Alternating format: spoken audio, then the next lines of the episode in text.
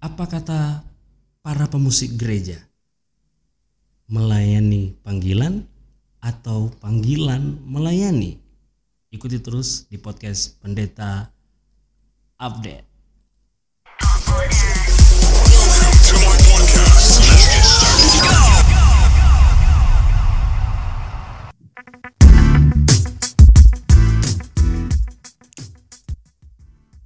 Oke, kembali lagi di podcast Pendeta Update di mana di sini kita akan membahas tentang kehidupan, inspirasi kehidupan seputar pelayanan gereja dan tentunya akan membawa kehidupan kita semakin hari semakin diperbaharui di dalam Kristus. Nah, kali ini saya punya bintang tamu, Cile bintang tamu. Ini salah satu musisi ternama yang ada di Jawa Tengah, seorang gitaris yang jenius, uh, namanya Brother Sigit Yulianto DC. Woi keren ini ya. Dia uh, adalah seorang gitaris atau seorang musisi gereja yang melayani di departemen musik di salah satu gereja di Jawa Tengah, yakni tepatnya di Gereja Betel Indonesia Jemaat Asam 3 Tegal dan juga sebagai guru seni budaya di SMP Atmajaya Wacana Tegal. Sudah menikah, dianugerahi satu putri yang cantik dan latar belakangnya ini yang keren banget nih teman-teman. Beliau ini dulunya sebelum melayani ternyata anak band rock nih. Wow, seperti apa cerita seperti apa ceritanya? Kita langsung sambut aja dengan luar biasa. Inilah dia Brother Sigit. Halo, Bro.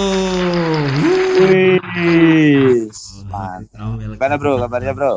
Puji Tuhan, baik. Gimana kabar, Bro? Tegal aman? Sehat. Aman, aman. Bah. Cuma emang di Tegal saat ini lagi ini ya. Apa hmm. namanya? lagi kurang sedikit aman sih karena oh, banyak iya. uh, memang Jawa Tengah kan khususnya Jawa, Jawa Tengah. Tengah iya kita tahu betul, sama betul. dari berita yang Jawa Tengah cukup tinggi juga sama bro kami juga di Pontianak ini angka ya. lagi cukup tinggi hari kita ya berdoalah biar semuanya semakin betul. baik ya kan Nah, Mantap. brother Sigit ini, woi, kita ini sebenarnya ini teman lama nih, teman-teman. Jadi kita ini dulu pernah berjuang di tahun dua tahun berapa ya? tahun 2006 2007 kalau nggak salah ya. Oh ya betul ya. itu ada satu bunker Wih, namanya Rita Mall. Rita Mall betul sekali. Aduh. Jadi kami berjuang bersama. Kami masih masih ingat nggak bro? Kita dulu pernah layani di satu sekolah. Kita rock rohani di sekolah di SMA Pius oh, kalau ya. Oh ya betul betul. Yang kita shalom, nggak ada yang nyaut shalom.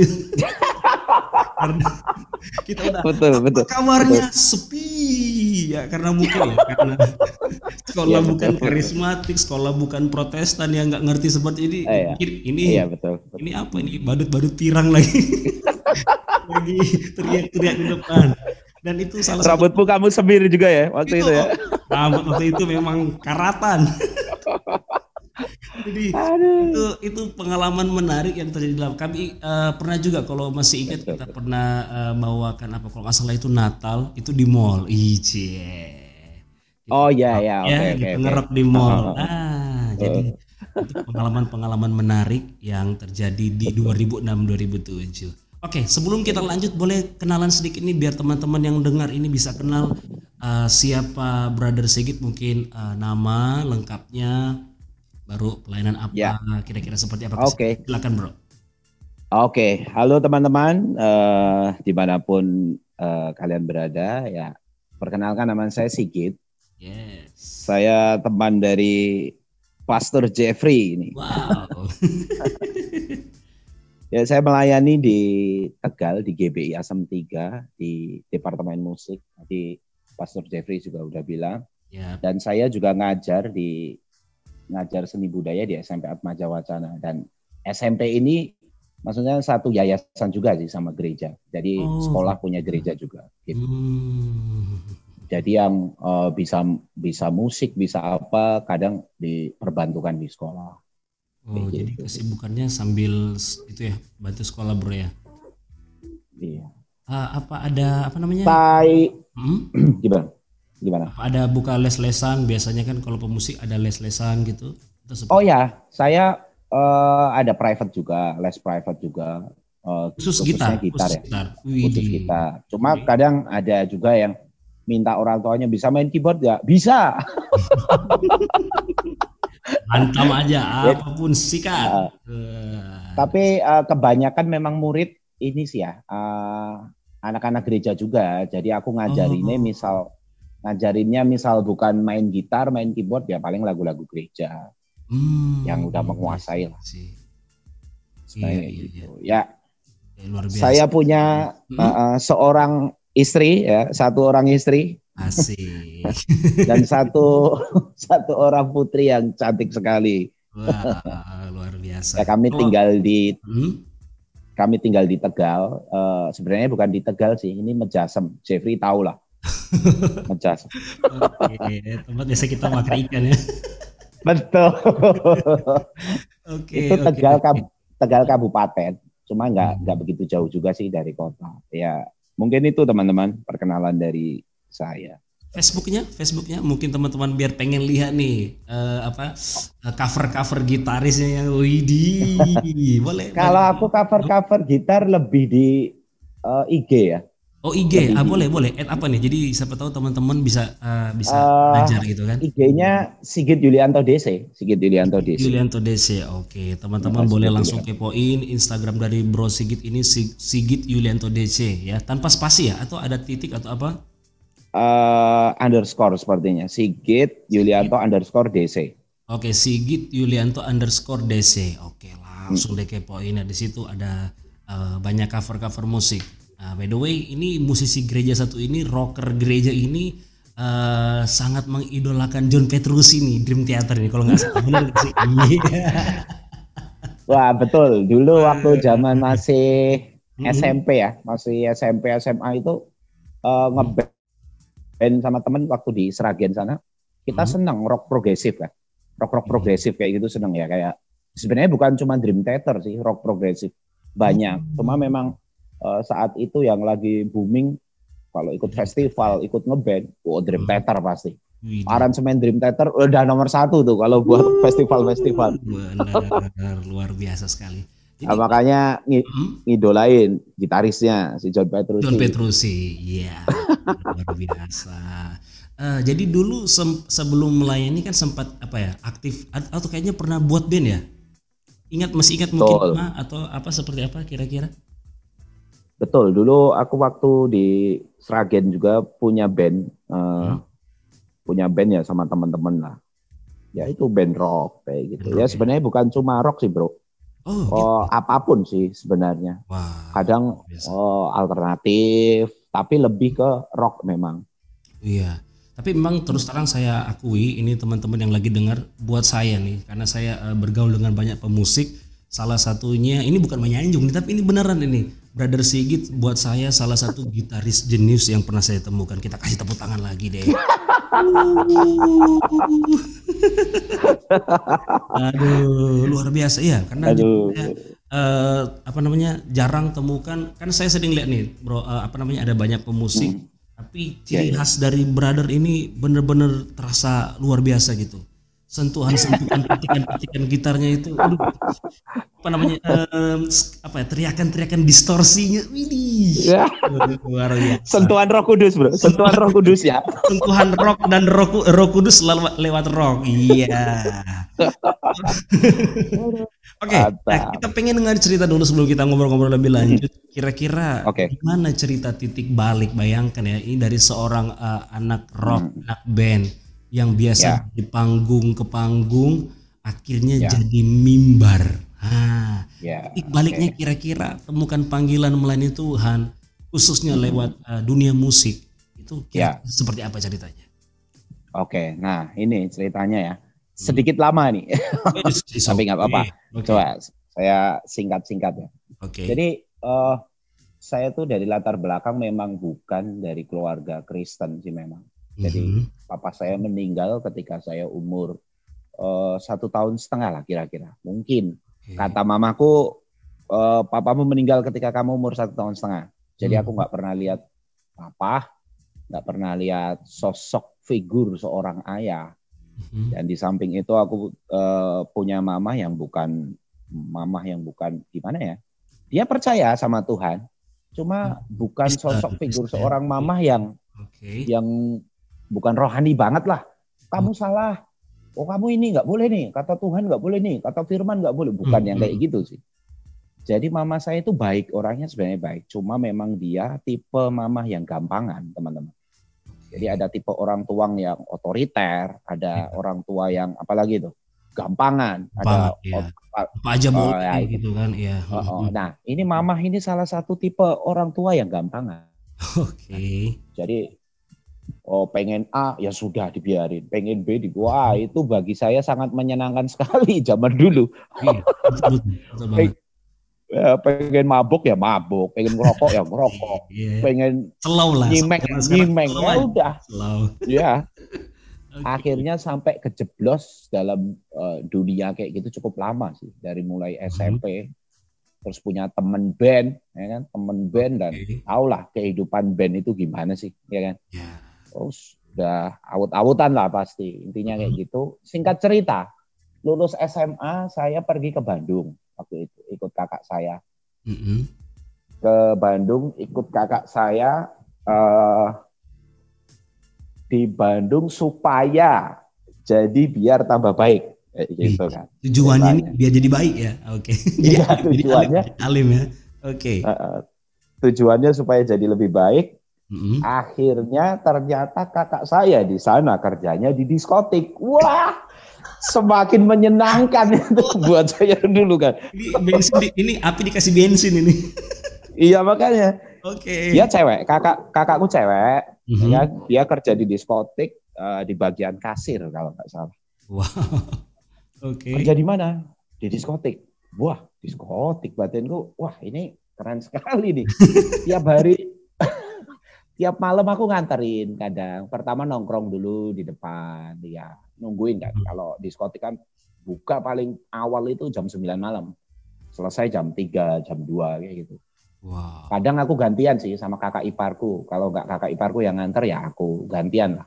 Hmm. Tapi lebih banyak aku karena aku emang seneng musik kan. Di situ ada iya. live musik kan.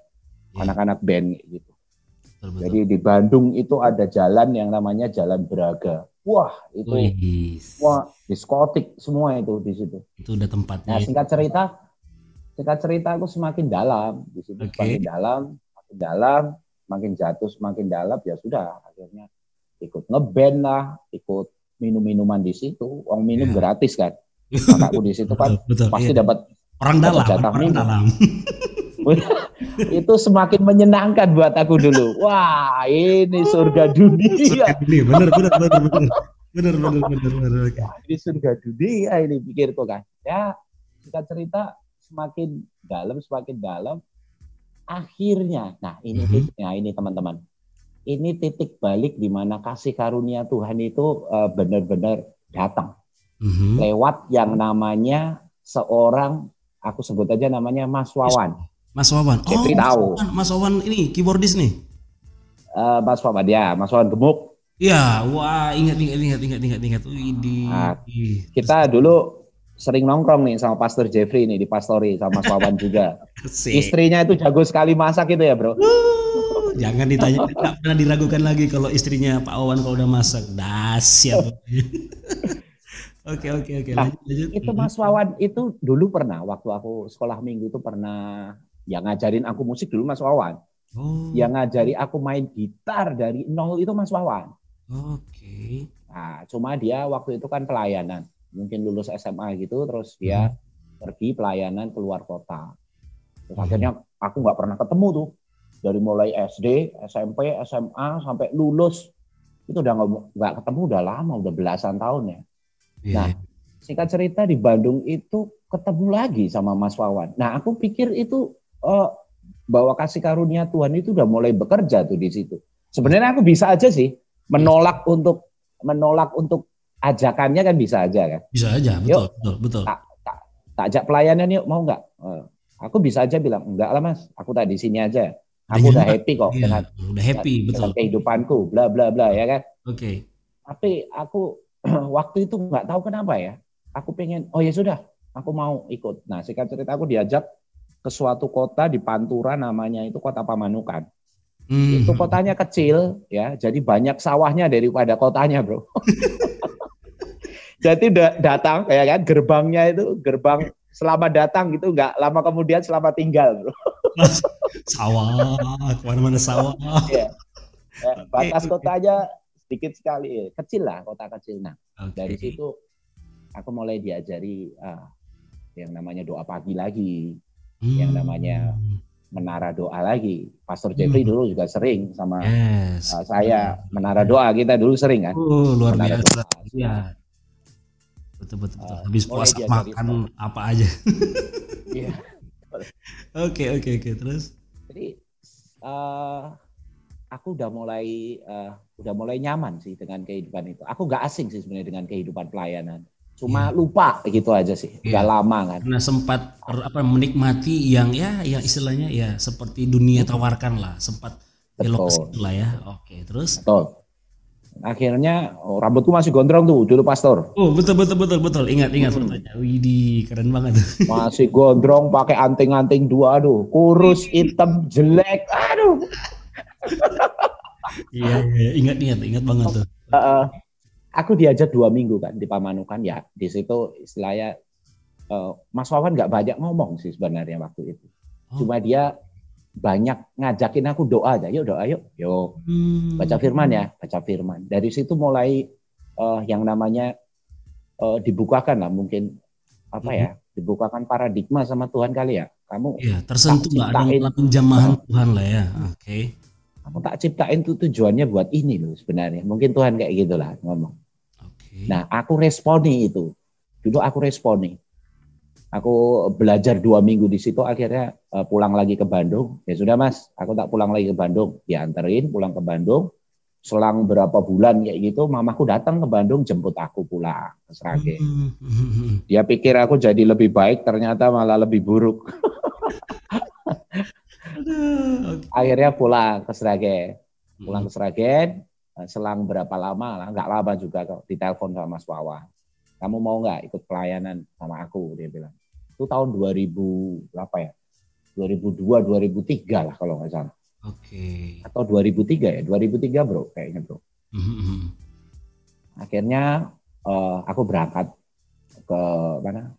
Ke Pamanukan situ kan. Dia pelayanan di Pamanukan, saya berangkat di Pamanukan. Percaya nggak bro? Aku berangkat ke Pamanukan itu masih bawa pel koplo, masih bawa rokok, masih bawa ganja di tas itu banyak sekali, Bro. Wow, jadi melayani tanpa diketahui orang lain di tas itu ada pil koplo, ganja, Wah, banyak udah. Bangsa dan tanah airnya. Iya. Wih. Aku di ter terminal itu nyimeng. Wih. Sendirian tuh berangkat uh. sampai sampai pamanukan. Aku nggak tahu kan apa pelayanan itu juga nggak paham kan. Harus ngapain? Tak pikir juga kerja dikasih gaji enak tempatnya kayak gitu kan. Iya. Kayak ngeband lah ya. Ya kayak ngeband ya udahlah. Ah, ah, oke oke. Sampai di sana ternyata waduh buka mata harus doa, mau menutup mata juga doa. Harus doa. Wah, ternyata di luar perkiraan. Oh. Di luar perkiraan. Mm -hmm. Itu jadi uh, teman-teman perlu tahu bahwa aku melayani itu bukan dari sekolah Alkitab seperti Pastor Jeffrey, sekolah Alkitab terus melayani, bukan. Ya. Aku melayani itu itu masih dalam bentuk anak jalanan. Betul. Baru nyemplung di gereja. Jadi ya. pertobatanku tuh di gereja. Pertobatanku di gereja. Tangkap basah mulai... di gereja ya, istilahnya ketangkap basah ya. malah di gereja ya, ditangkap Tuhan di gereja. Oke. Okay. Betul. Aku bukan dari latar belakang pendidikan yang terlalu bagus lah intinya kayak gitu. Cuma hmm. lulus SMA lah aku, cuma lulus SMA, nggak sempat kuliah, ya hidupnya kayak gitu ya akhirnya oke okay, dipamanukan di situ mulai belajar oke okay, mulai proses Tuhan tuh bekerja tuh saat aku berangkat pelayanan pertama sampai di pastori itu udah mulai proses Tuhan bekerja tuh okay. mulai wah ternyata pelayanan kayak gini ya di pastori itu ada dua kamar yang hmm. satu kamarnya Mas Wawan itu sama Mbak Sri sama Aina kalau nggak salah dulu. Oh iya iya anaknya betul betul. Oke. Okay. Terus satu lagi kamarnya pendeta dan kamarnya itu selalu ditutup karena si pendeta itu datangnya cuma hari Sabtu, terus khotbah hari Minggu, Senin pagi cabut lagi ke Bandung. Oh iya, saya ingat itu, ingat itu. Oke oke oke. Jadi nggak boleh ditempatin lah intinya itu. Nah, mm -hmm. aku tidurnya tuh aku masih ingat di ruang tengah, pakai tikar, pakai kasur yang tipis, hmm. tidur di situ selama bertahun-tahun. Wow. Aku nggak pernah merasa yang namanya, waduh hidupku kok sebatang kere ya. Hmm. Kalau sebatang kara itu masih punya teman dari sebatang kere bro. Sebatang kara iya, masih bisa nyaman lah ya. Ini sebatang. Eh, sebatang kere. Waduh. Wah, oke. Okay, okay. Sudah nggak apa-apa kan. Jadi eh, awal-awal itu udah mulai rambutku tak potong, anting-anting udah mulai tak lepas. Mm-hmm. Itu obat-obatan, rokok, ganja apa itu udah tak, bung, tak bungkus koran, tak bakar di depan pastori udah. Oke. Okay. Jadi aku udah mulai uh, ada titik balik lah di situ dari dari jalanan mulai di uh, masuk ke kasih karunia itu aku udah mulai uh, udah mulai sedikit sedikit demi sedikit mulai bener lah, udah mulai menata hidupku lah. Yes. Mulai kayak gitu. Dari perkataan yang sia-sia jadi nggak perkataan sia-sia, kayak gitu. Siap. Tindakan sia-sia jadi nggak tindakan sia-sia. Intinya kayak gitu. Siap, oke. Okay. nah di situ tugasku tuh cuma bersihin pasori, ngepel, hmm. nyapu, bersih bersih, bersih bersih, okay. bersih bersih lah intinya kayak gitu. Koster lah bro, koster gereja. Okay. Sama tugas yang boleh ditinggalkan adalah fingering tuh. Oh iya, terus melatih ya. Fin ya, fingering main gitar itu itu tugas salah satu tugasku yang disuruh Mas Wawan. Selain kamu beres-beres pastori, tugasmu adalah fingering. Dibeliin gitar sama dia. Dia punya gitar, dia beli. Ini uh, ada gitar, kamu fingering. Biar apa mas? Gak tau lah, pokoknya kamu fingering aja. Dia bilang itu. Tiap hmm. hari aku latihan gitar, dengerin lagu gereja, tak cari. Karena aku kan emang dari latar belakang band ya Iya, iya. Gak mungkin dong di gereja terus pakai lagunya Dewa, bro. Jadi aku mulai ngulik lagi iya. lagu-lagu GMB. Oh, mau belajar itu. lagi, belajar lagi ya? Iya, hmm. iya. The musisi mulai, terus belajar lagi, oke. Okay. Belajar lagi, aku mulai ngulik. Waktu itulah aku seneng lagu GMB. Lagu-lagu okay. GMB itu seneng ya, tak ulik. Ya. Mm-hmm. Tak ulik, tak dengerin, tak, tak apalin mulai satu-satu. Karena mm. memang aku minggu kan pelayanan. Aku main main bass waktu itu kalau nggak salah. Main bass sama main gitar akustik kayak gitu. Jadi aku harus ngapalin lagu-lagu gereja. Nah, singkat cerita, uh, proses itu terus berjalan. Uh, aku mulai jalani itu. Tiap minggu aku bawa sound system ke gereja. Bidi. Setelah selesai ibadah, aku beresin lagi. Mm-hmm. Terus aku bawa lagi ke pastori. Dan itu tiap hari minggu kayak gitu terus tak jalani. Okay. Terus pada suatu titik di mana bahwa uh, gereja itu ada sedikit masalah, nggak tahu masalah apa, aku juga nggak jelas. Okay. Terus Mas Wawan itu dipindah tugas dia ke Tegal.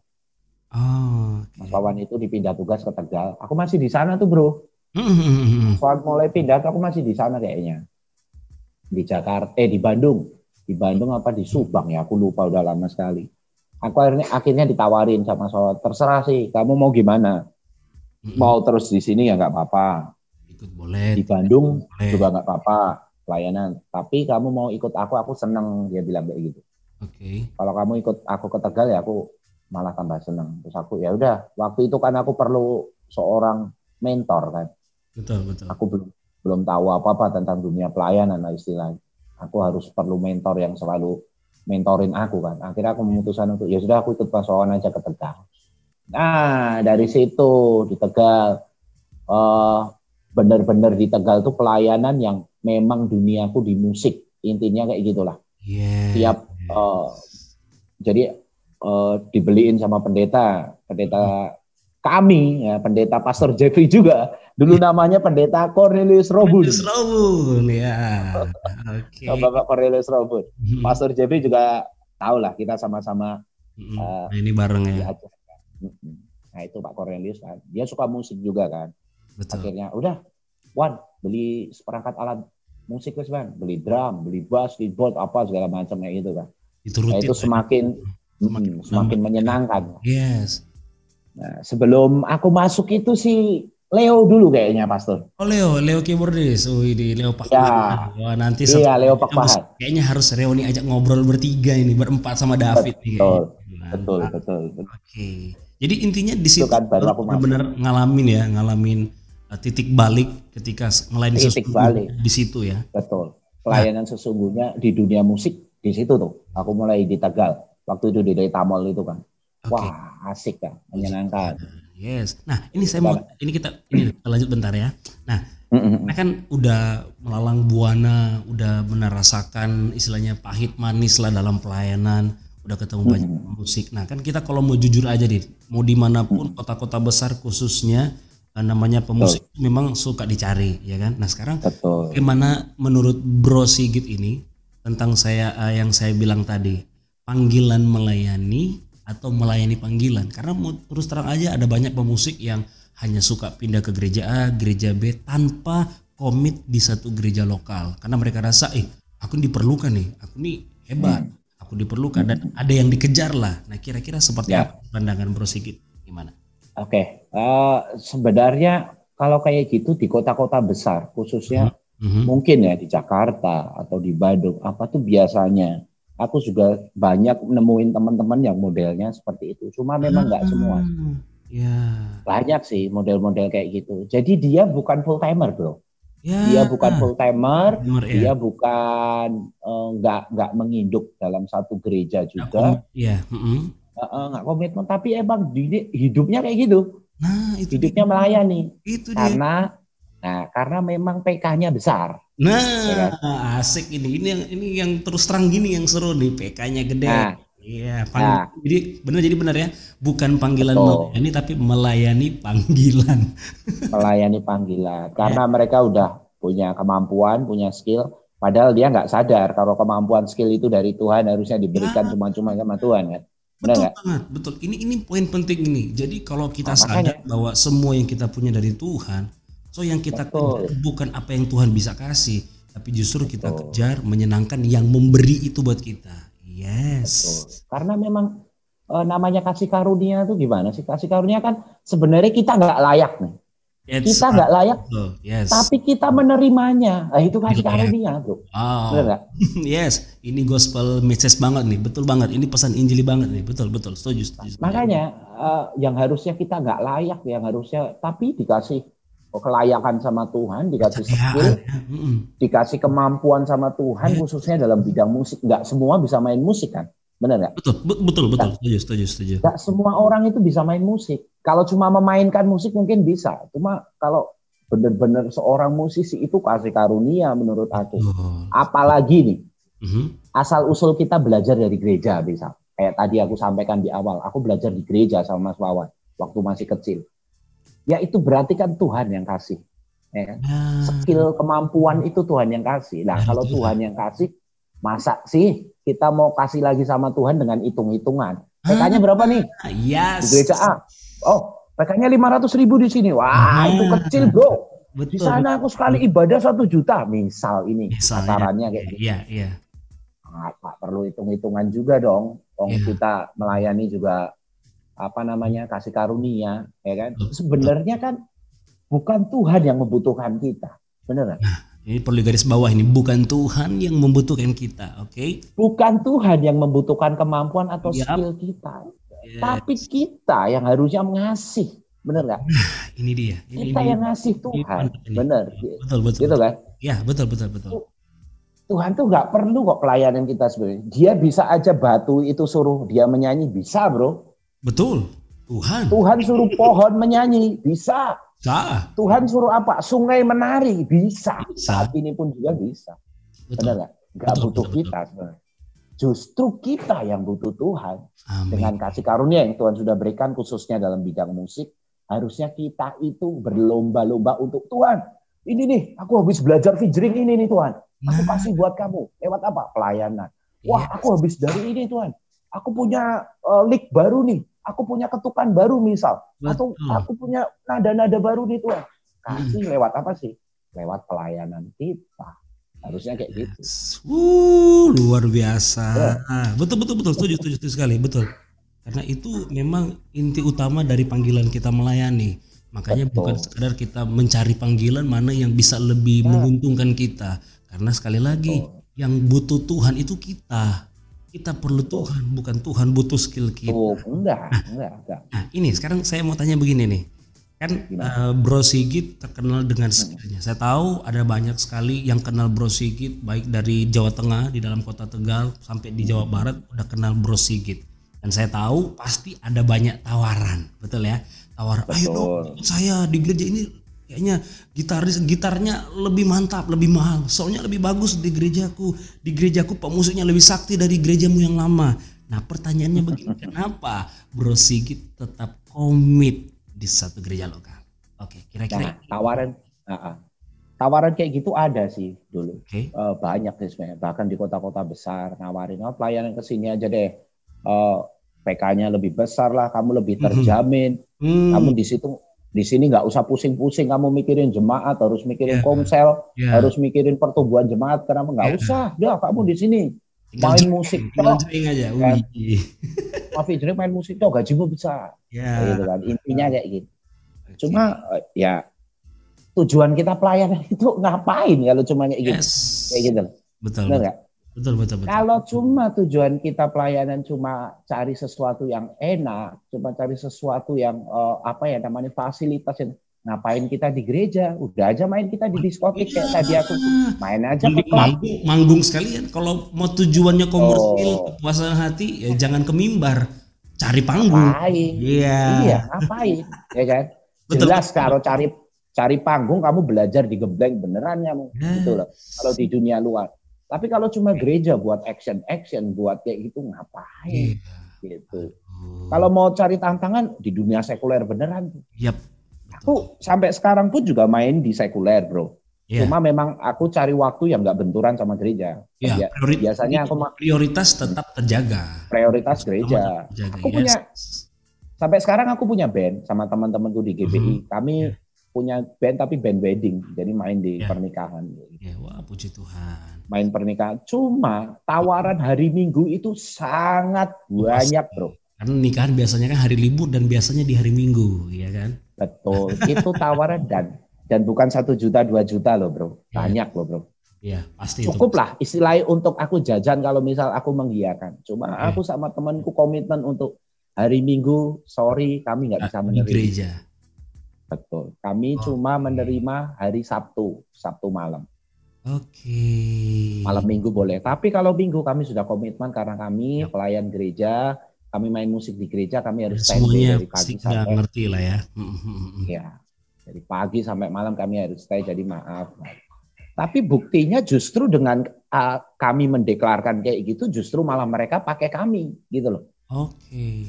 Okay. Malah, jadi malah banyak yang pakai kami di hari Sabtu justru iya, kayak jadi gitu. malah ikut menyesuaikan aja waktunya karena iya ya karena istilahnya iya. dari, mereka mulai mengerti waktu kita untuk Tuhan dan sebagainya. Betul. Wow. Jadi wow. sebenarnya wow. jangan takut, jangan takut ngambil keputusan. Waduh, ini kesempatan ya. Ini hmm. duit ini. Ini iya, kapan iya. lagi? No no no no. Kalau semua itu uh, intinya adalah Tuhan dulu lah. Kita harus prioritaskan Tuhan dulu. Okay. Segalanya berpusat harus pada Tuhan dulu. Yes. Firman Tuhan kan katakan uh, carilah dulu kerajaan Allah dan kebenarannya maka semua akan ditambahkan kepadamu kata firman Tuhan. Wow. Yeah. Yang ditambahkan kepadamu bukan cuma materi kan. Benar, sebenarnya kesempatan-kesempatan yang lain, promosi-promosi yang lain pasti ditambahkan. Apalagi seorang pemusik punya skill, punya kemampuan, udahlah. Kalau takut akan Tuhan, nurut sama Tuhan nggak bakal. Tuhan pasti cukupkan. Amin. Wow. Jadi saya belajar untuk komitmen kan. Makanya yes. untuk belajar untuk komitmen, tawaran-tawaran di luar yang banyak itu bukan cuma gereja, bahkan ini sekuler. Ya, ya gitu loh. Betul sekali, betul. Ya kan? Ya. PK-nya itu eh, bisa lima kali lipat, bisa sepuluh kali lipat malah, bro. Ya. Benar nggak? Uh, kalau saya tarik kesimpulannya ketika Brother Sigit ini tahu mana prioritas yang terbaik, yang terbesar, yang terutama, oh. sehingga hal oh. yang harusnya mungkin kata dunia mahal lebih menarik, tidak akan mengalihkan Brother Sigit dari Tuhan Yesus. Benar? Oke. Okay. Terima kasih sekali ini untuk obrolan yang sangat memberkati kita, Brother.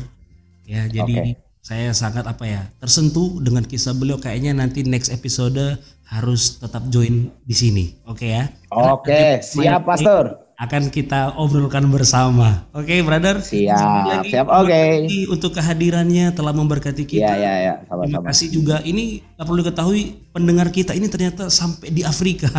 Saya kaget oh. tadi di Afrika. Iya. Keren, biarlah keren, ini keren, memberkati keren. banyak orang. Sukses untuk brother Sigit. Sampai ketemu ya, amin, di amin. next episode. Tetap sehat untuk keluarganya. Sekali lagi makasih brother. Ya. Sukses. Ya, sama-sama. Dan Yo. semua pendengar, thank you. Kita akan ketemu lagi nanti di next episode. Thank you banget untuk semuanya dan saya percaya kita semuanya diberkati. Jangan lupa prioritaskan Tuhan yang paling penting. Sampai ketemu di episode berikutnya. God bless you dan ciao.